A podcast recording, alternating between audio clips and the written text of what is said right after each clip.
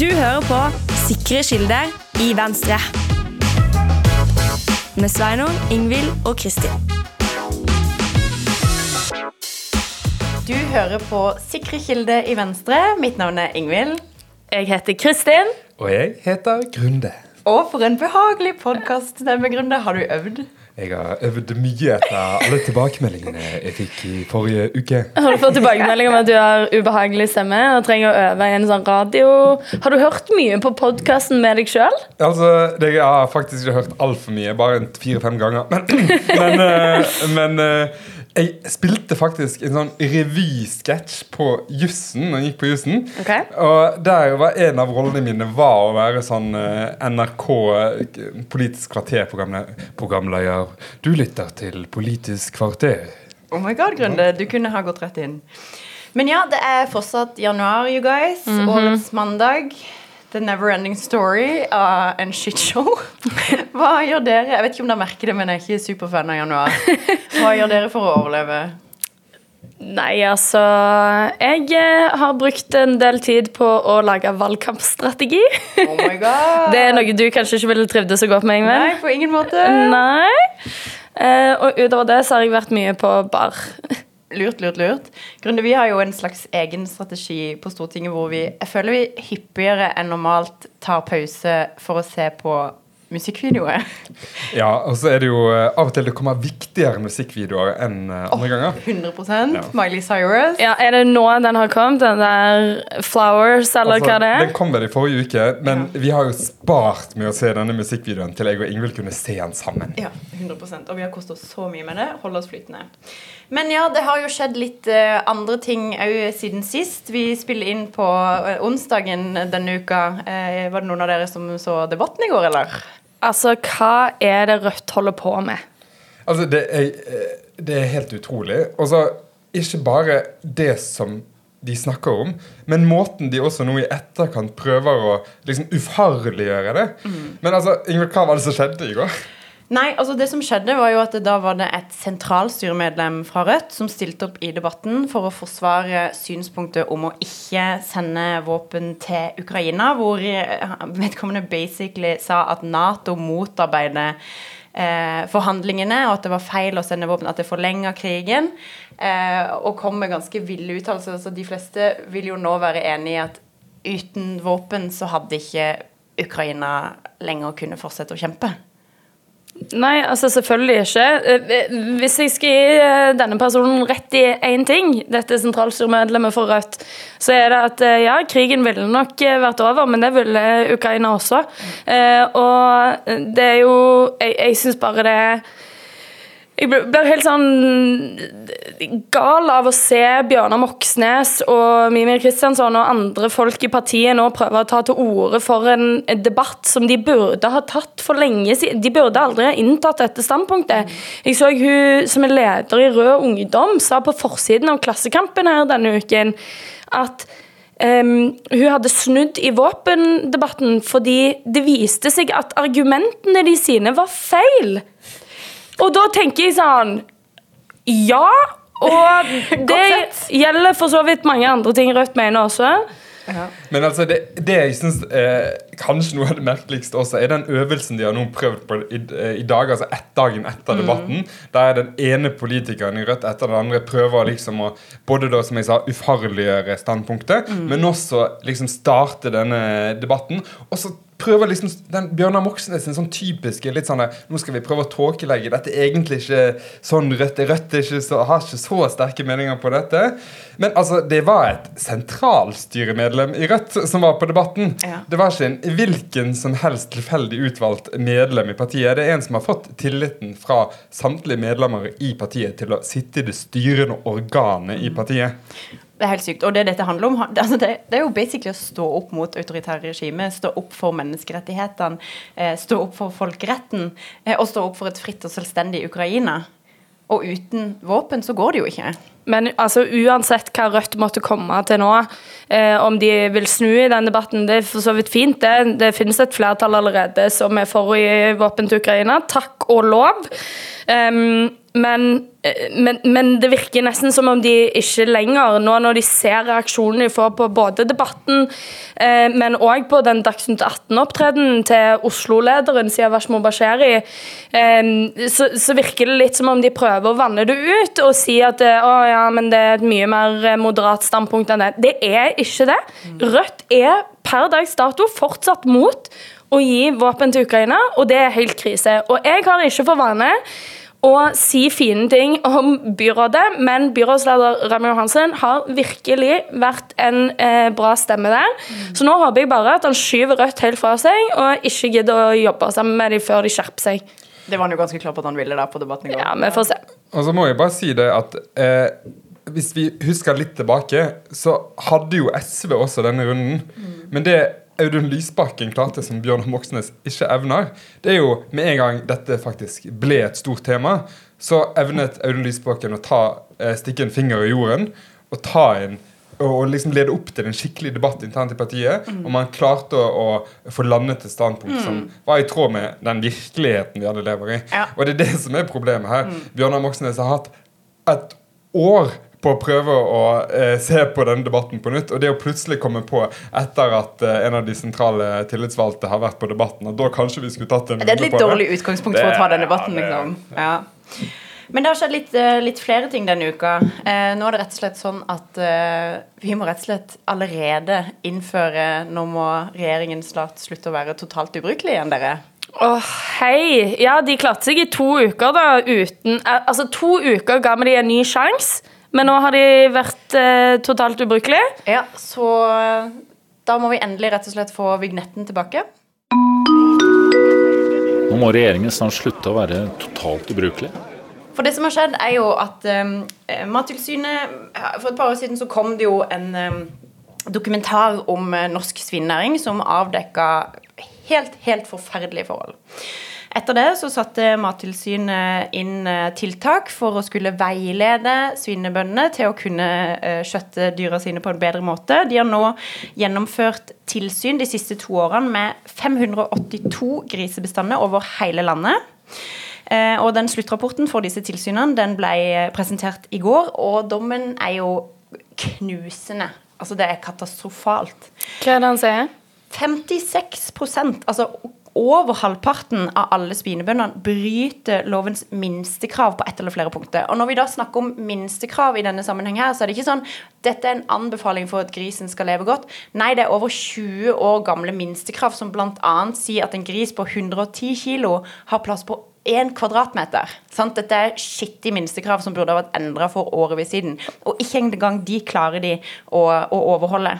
Um, det som vi ser er at En tredjedel av bøndene da bryter regelverket knytta til rotemateriale. Rotemateriale er jo det som grisen har for stimuli fordi de står på én jævla fuckings kvadratmeter. sant? Mm. Eh, det som skjer når de da ikke får den stimulien, er jo at de biter av hverandre halen. Altså De har det helt for jævlig. Griser er jo høyst høyst intelligente dyr som egentlig skal være ute og grave jorda med snuten sin, men det får de ikke. Så da er det minste vi kan gjøre, er å gi dem litt rotemateriale innendørs. En fjerdedel har regelbrudd knytta til strø. Eh, strø er jo der hvor grisen skal kunne ligge tørt, altså uten avføring og urin, og mykt. Det evner de heller ikke å sørge for at de får. Og en fjerdedel gir ikke god nok oppfølging av syke og skadde dyr. F.eks. dyr, som har fått bitt av halen sin, eller dyr som er halte, dyr som er syke. De settes ikke på enebinge, og følgen av det er jo at eh, syke dyr blir jo tråkka på av andre griser, og de får ikke den oppfølginga av veterinær som, de hadde, som, som de hadde trengt. da. Eh, som igjen har ført til liksom en hel haug med hastevedtak fra Mattilsynet, bl.a. med avlydning. Og hva sier regjeringen til dette? Nei, uh, for det som, som, er spesielt her, for dette er jo som jeg sa, altså helt ekstremt graverende. Uh, og når da landbruksministeren endelig kommer på banen, så er det hun sier, er sammen med næringa ja, men uh, nå skal vi lære av Region Øst, for der er det nemlig bare en tredjedel av bøndene som bryter disse minstekravene. Hm. Og hun skyver næringa foran seg og sier liksom nei, men nå må, nå må næringa rydde opp. Og name én sektor hvor over halvparten bryter loven, som får i oppgave å sjøl rydde opp. Altså, det skjer ikke. Det andre hun sier, er Eh, eh, vi skal komme med en dyrevelferdsmelding, og dette har vi jo snakka om før på podden. Jeg har ranta om dette før. Venstre fikk gjennomslag for å få en dyrevelferdsmelding i 2023. Regjeringa sa fuck off. Eh, det gidder vi ikke å følge opp fra Stortinget. Så det hun sier er basically grisene må vente på en dyrevelferdsmelding. Vi kommer ikke til å gjøre noe i mellomtida. Og når den kommer, det er litt i det blå, kommer eller? Liksom til neste år, da. Eh, men det er jo ikke godt å si. Eh, og så eh, var jeg i spørretimen i dag mot landbruksministeren, hvor jeg stilte selvfølgelig alle disse spørsmålene. Og jeg spurte òg, fordi det vi òg fikk flertall for i fjor, Venstre leverte jo mange forslag da, det var at vi skulle øke insentivene for bedre dyrevelferd for svin, som liksom er basically kjernen av det vi snakker om nå. Og så spør jeg liksom, ok, hva har du konkret gjort for å følge opp Altså, dette er et flertallsvedtak fra Stortinget som en mindretallsregjering velger å ignorere. Ikke en jævla dritt. Um, og viser bare til disse tingene om igjen og om igjen. Altså, tenk å si at det, La oss lære av uh, den gruppa hvor en tredjedel bryter loven. Altså, dette er så graverende, og det bare viser at denne regjeringa tar jo ikke dyrevelferd på alvor på noen som helst måte. Altså, Det er i hvert fall tydelig at eh, Sandra Borch, landbruksministeren, jeg tenker at dette her er mest sånn plagsomt. Eh, at du kommer og stiller spørsmål om, og at denne rapporten kommer. Eh, fordi det å handle i dette, det tenker hun at hun skal utsette i Ja. hvert fall et år til. Altså, altså så totalt ubrukelig, og dette var så fortjent at vi måtte ta opp denne spalten igjen. Men Sandra Borch vet jo ikke hvem hun har lagt seg ut med her. Altså, dette her er jo dyrevelferdens største forkjemper. Eh, Ingvild, du er jo en slags superhelt for all, dyr over hele landet. Så stor faktisk at eh, jeg har jo begynt å få SMS fra venner som ser fugler inne på biblioteket og prøver å hjelpe dem ut med skjerf pga. deg og sånn. Det er jo nydelig. Altså. Det bringer meg på en liten sånn sidehistorie. Ja, kjør på. Og det var faktisk på det kontoret jeg hadde i forrige stortingsperiode. Så var det på et tidspunkt jeg hørte veldig mye lyd og leven fra en sånn balkong som var utenfor kontoret. Og når jeg gikk ut på den balkongen, da, så var det duer. En hel flokk med dueunger under eh, terrassebordet. Shit! Som var rett og slett Fordi du har rett og slett noen, Det er blitt lagt egg der. Og så har noen spikret igjen eh, terrassen over dem. Og så har de vokst opp, og så har, er det da en duemamma som driver og mater dem mellom sprekkene. Men ingen kommer til hverandre. Og det vi gjorde da, da fikk jeg en fantastisk eh, vaktmester her på Stortinget til å ta opp eh, disse terrassebordene og rett og slett redde duene. Dette har jeg bilder på på telefonen. Så shout-out til den fantastiske vaktmesteren som har reddet eh, duene. Og shout-out til det som tok ansvar for duene. Veldig bra jobba, Grunde. men jeg må få si en annen ting. Fordi du var jo i eh, denne spørretimen, og du er jo en ram kvinne på alle mulige måter, Ingvild, som virkelig liksom tar i et tak og ikke er redd for noe, inkludert eh, noe som jeg tror er noe av det ekleste jeg har hørt om. Hva skjer nå? Fordi under spørretimen så kom kanskje det at du skulle stille spørsmål litt brått på, Ingvild. Var det sånn? Ja, eh, for vi er jo Jeg vet ikke om eh, lytterne våre vet det, men vi er et ganske lite parti. Og på Stortinget så er det sånn at eh, rekkefølgen kommer ut ifra størrelsen på parti. Plutselig så var det min tur til å stille spørsmål i spontanspørretimen. Og ja, dette er veldig ekkelt. Um, men jeg hadde rett og slett ikke hatt tid til å ta ut snusen min. Og så på vei opp så ble jeg veldig stressa, styrte med dette. Så den falt ned på tunga mi. Snusen falt ned på tunga mi, og da kunne jeg jo ikke snakke. Og da var det sånn, ok, skal jeg ta den ut foran alle mens jeg står på talerstolen? Så tenkte jeg nei, jeg har ikke lyst til å være that girl, liksom. Så det jeg valgte å gjøre da dette kan du se på liksom stortinget.no. Det jeg velger å gjøre da, at jeg tar en pause, tar et glass vann før jeg begynner. Svelge snusen. Som om det var en Paracet, liksom! Og alle, liksom presidenten, landbruksministeren, alle var sånn Hva faen er det som skjer nå? For de skjønner jo ikke hva jeg holder på med. Jeg tar en lang pause for å drikke Det er vann ikke rart du er forbanna hvor Sandra Borch står med magen full av snus. Jeg har til ennå ikke blitt syk, da, men vi får se hvordan det går. Men det var åh, Du får altså, sikkert så ikke bare borrelia i hvert fall av Nei, kanskje det dreper bare Jeg får håpe det. Ja, så det var en, en fantastisk flott start på, på spørretimen. Uh, fikk jo heller ikke noe svar, så det ble jo ikke noen fin avslutning heller. Men du, apropos svar. Eh, en ting eh, vi har fått svar på endelig, og apropos at regjeringen er ubrukelig, siden vi fortsatt er i spalten, Ja. eh, så fikk vi jo endelig svar på om Emilie Enger Mehl hadde TikTok på telefonen. sykt På tjenestetelefonen. Ja, altså Vi har fått svar, men fra da ikke hovedpersonen sjøl, riktignok. Det må sies. fordi det å svare på om du har en app på telefonen, det er for mye forlangt for landets justisminister. Kan jeg bare eh, komme med en liten tips? Eh, Gå på stortinget.no, søk på TikTok. Da vil dere se at Per-Willy Amundsen, friend of the podcast, har sendt et spørsmål i uka siden, opp, altså siden liksom et, på et tidspunkt i fjor om hvorvidt hun har hatt dette på tjenestetelefonen. Altså, det er dedication. Ja, altså det- Shout-out til Per-Willy. Jeg tror nok de fleste allerede er inne på stortinget.no for å se videotape av at Ingvild Thorsvik svelger snus, så da kan de jo bare sjekke ut det i samme slengen. Men Grunde, hvorfor er det problematisk at hun har brukt tjenestetelefonen sin på dette her? Ja, altså Det som er fort gjort i denne saken, er å liksom glemme altså, Og ikke helt skjønne hvorfor dette her egentlig er en sak. Fordi veldig mange av oss har eh, TikTok. Jeg og deg, Ingvild, hadde TikTok eh, ganske lenge sjøl. Helt til Guri Melby sa dere ikke fikk lov lenger. Ja, som Dagbladet har skrevet om. Eh, men sånn at, Og for de aller fleste så er det ikke nødvendigvis problematisk å ha TikTok på telefonen. Men problemet er at TikTok er en kinesisk eid app som eh, er under eh, regler for det kinesiske regimet, det kinesiske autoritære regimet, som eh, da har mulighet til å hente ut opplysninger fra alle kinesiske selskap, inkludert TikTok. Eh, og på den måten så kan vi ikke vite hvorvidt data, informasjon, kommer på avveie når det er installert den appen på telefonen.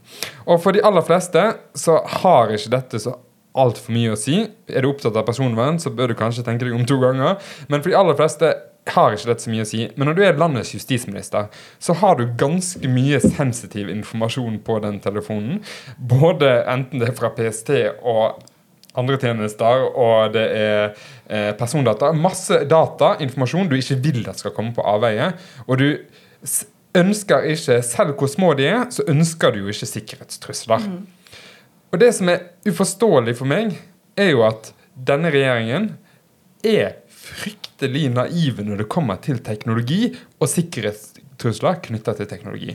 Og derfor har jo de da i lang tid eh, en rekke regjeringsmedlemmer hatt TikTok på telefonen, inntil etter hvert dette begynte å bli en sak, og flere og flere har sletta det. Og også Emilie Enger Mehl, viser det seg. Men til motsetning til alle de andre, så har altså Emilie valgt å konsekvent ikke svarer på dette spørsmålet. Men det er jo Altså, ja, jeg, jeg forstår det du sier, Grunde, med at det er mindre problematisk selvfølgelig for, for personer som ikke har masse sensitivt øh, materiale for myndighetene på telefonen sin.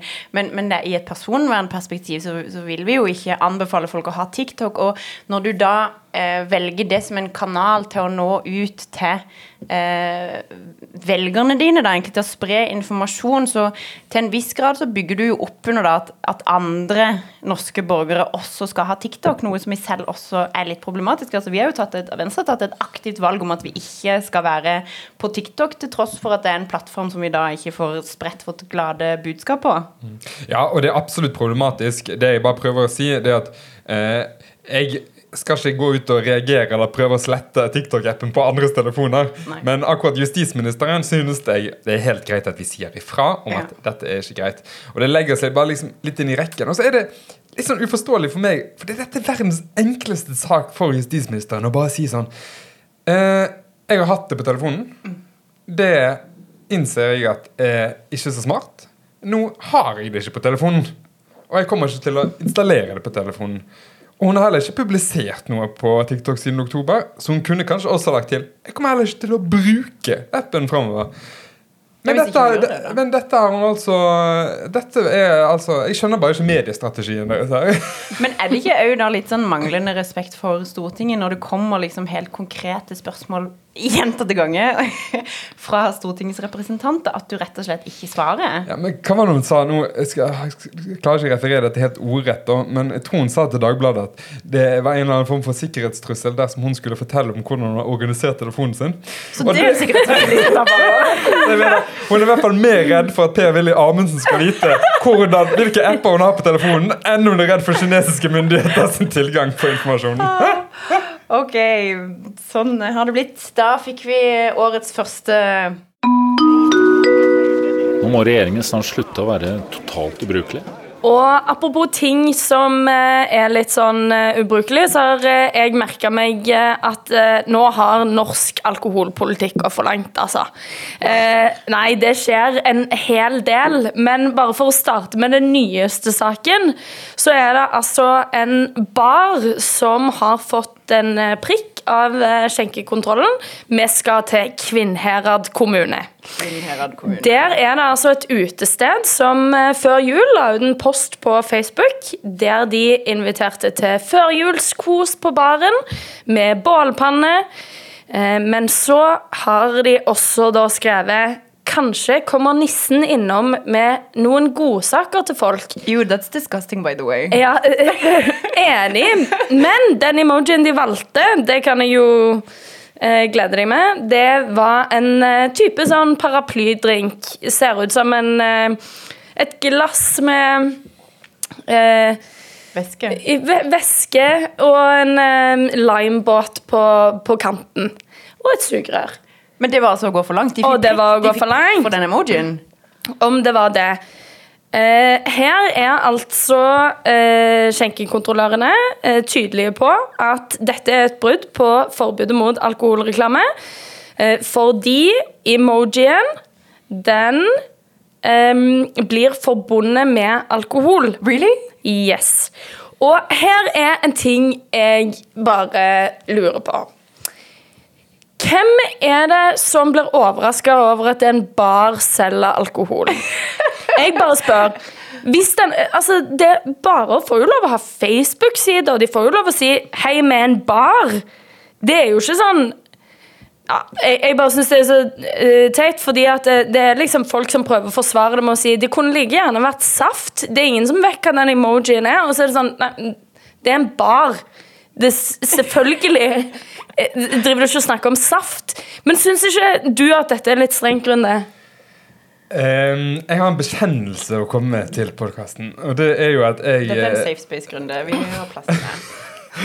Open up. Ja, jeg må bare fortelle dere at uh, jeg har jobbet to år som skjenkekontrollør. Oh my god. Wow. Og jeg har skrevet mange rapporter på alkoholreklame. Altså, det er jo ikke kontrolløren som gir prikker. Kontrollørene skriver rapporter, og så er det en jurist som gir prikker. Så det er sånne ferdigutdannede jurister som deg som er hovedsakelig problemet. Og bare for Ja, å legge all skylden bort Vi er som regel det. Ja. Nei, men eh, greien er at jeg har altså gått rundt i Oslos gater og skrevet rapporter og veiledet også, aller mest veiledet bare på hvordan de skal klare å følge alkoholreglementet. Fordi det som er så fucka med dette, er at alkoholreklamereglementet er umulig å forstå. Det er, og det er så vanskelig, innvikla og strengt at selv ikke skjenkekontrollørene kan følge det helt ut. Fordi eksempelvis en ting som det konsekvent aldri skriv, skrives rapporter på, men som er ulovlig, er jo å servere vann i glasser med logoen til et uh, bryggeri på. Oi! Er det ulovlig? Det er ulovlig alkoholreklame, for du har kun lov til å servere alkohol eh, eller å bruke alkohollogoer i eh, produkter som er direkte i tilknytningen til skjenkingen. Det vil si at du har lov til å ha Hansa-logo, eksempel, eller hvilken som helst annen logo, på eh, tappetårn. Ja. Men du har, og du har lov til å ha det på glasset du tapper oppi. Men eh, du har ikke lov til å la det stå sugerør med den navnet på ved siden av tappetårnet. Eller du har ikke lov til å ha en barmatte der alkohollogoen står. Med mindre barmatten er vendt inn Innover mot innover Det har jeg sett! Innover mot den som skjenker, og plassert under. Altså ikke oppå bardisken, men på den nedre bardisken. Altså, jeg har jobba på bar, og dette var vi faktisk ganske nøye på. Men altså, er det vits, er mitt spørsmål. Fordi eh, for, eh, forrige uke eller uken før, i hvert fall i januar, så var det òg en eh, sak på NRK om et bryggeri i Stavanger.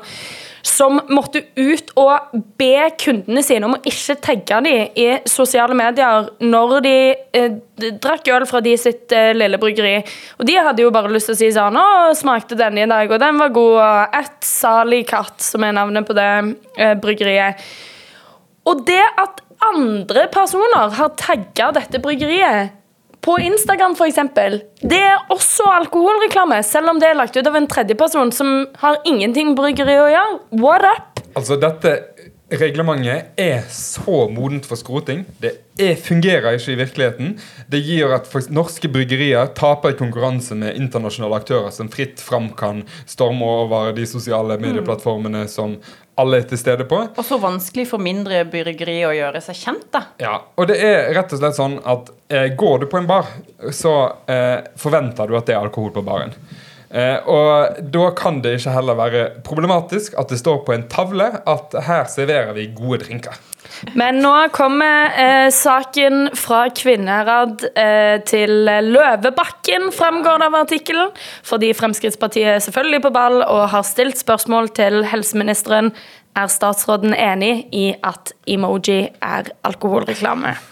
Det blir spennende å få svar på det. Vi får se om vi får svar, eller om han må stille det liksom ukentlig Ja, ja, ja, ja. Takk, framover. Nei, nei, Det han kommer til å gjøre, er noe én og en uke. Ta en og en emoji. Kan absolutt være. Men dere, vi må videre. Har det mm, skjedd noe i Oslo da i det siste, Kristin? Du, det har skjedd eh, et par ting i Oslo, eh, og eh, den store nyheten denne uken er jo at Miljødirektoratet har publisert eh, sitt klimafordelte utslippsregnskap for 2021. Det høres litt gammelt ut, men de ligger litt bakpå, så vi får tallene for 2021 i 2023. Og Ja. tallene for i år får vi ikke før i 2025, og sånn er det bare. Eh, og det er jo selvfølgelig mange Oslo-politikere veldig fornøyd med, fordi at det viser at utslippene i Oslo de går nedover, mens de går oppover i de øvrige tre største byene, Bergen, Trondheim, Stavanger. Eh, så har Oslo klart å redusere. Altså, jeg vil jo Altså, jeg skjønner at, eh, at de er stolte av Oslo og sånn her, da, men, men i et slags sånn fellesskapsperspektiv eh, for oss som nasjon og for verden, så er det ikke så voldsomt positivt at det går opp i de andre storbyene. Nei, det er på ingen måte positivt eh, at det går opp i de andre storbyene. Og nedgangen nasjonalt er bare på 0,7% i 2021, noe som er mye lavere enn det var de foregående årene. Så man, har jo en stor jobb å gjøre. Så er det sikkert noe av det som kan tilskrives at det blir mer bilkjøring i pandemien eller et eller annet, uten at jeg Det er veldig synd at regjeringa har kutta liksom, i stimulimidlene til kommunen, da, men uh... Ja, det er veldig synd. Men grunnen til at jeg tar dette opp, er selvfølgelig ikke for å sitte her og skryte av byrådet. Det er for å komme med noen harde facts Oh som ehm, handler om at For jeg lot meg provosere av finansbyråden eh, Einar Wilhelmsen fra Miljøpartiet De Grønne, som sa til Avisa Oslo at vi har kutta mer enn vi planla. Og det er jo for seg riktig, fordi at eh, absolutt alt av indikatorer som eh, fagetaten, klimaetaten, kunne gi, viste at Oslo eh, kom til å prestere langt under mål. Antagelig så kommer vi bare til å klare å kutte 27 i 2021 sammenlignet med 2009-nivå. Men målet vi satte, var jo å kutte 45% så har man i realiteten kutta 30% fra 2009-nivå. Så man har fortsatt 15 prosentpoeng under målet. Villedende uttalelse. Veldig villedende, fordi det han insinuerer, er jo at man ikke planla å nå målet. Og det er i tilfelle en ny måte å drive politikk på, spør du meg. Så her kommer eh, tallene for de som lurer. Totalutslippet per nå i Oslo er på 1 million 47 000 tonn.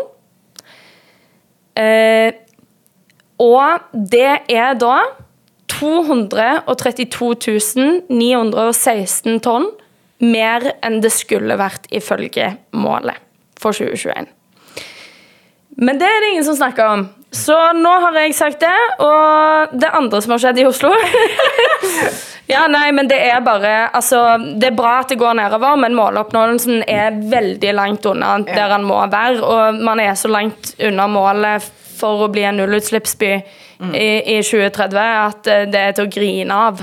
Det høres ut som en sånn der eh, eh, strategi fra politikernes eh, sånn der Politics for Dummies enkel håndbok, der Klarer du ikke å nå målene dine, så finner du en måte å si at dette lirk på målene. Egentlig, egentlig dette er ganske bra. Altså, Ja. folkens mm. hadde faktisk eh, Altså, vi hadde planlagt for noe helt annet. Dette går jo mye bedre enn tenkt. Litt dårligere enn målene våre, men mye bedre enn tenkt. Altså Det funker dårlig hvis noen faktisk sjekker opp i det du sier, da, men hvis ikke jævlig god plan. Ja, og dette løser vi selvfølgelig med en nytt byråd i Oslo. Det gleder vi veldig til, så alle må stemme. Venstre 11.9. i dette lokalvalget. Men det er helt åpenbart at de også må det i de andre byene, som 100%. eh, underpresterer veldig på å kutte utslipp. Mm. Her trengs det å snu en trend. Og Venstre trengs. Absolutt. Men eh, da var da du tisa at du hadde en Å ja, til. Oslo-sak. Ja, eh, en til Oslo-sak. Det, eh, jeg hadde egentlig tenkt å nevne det i stad når jeg snakker om TikTok, men det har skjedd en ting i Torgata, og det er Jens på 17 år,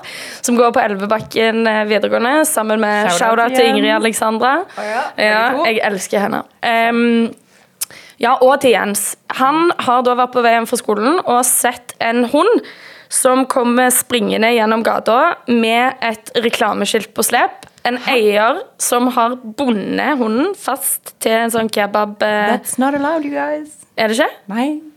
Er det ulovlig å binde fast hunden sin ute? Ja, du skal ikke liksom sette fra deg hunden et sted som er i tilknytning til andre mennesker fordi at det er risikabelt. Ja, ok, Det gir for så vidt mening. Eh, jeg har ikke hund, så I don't know.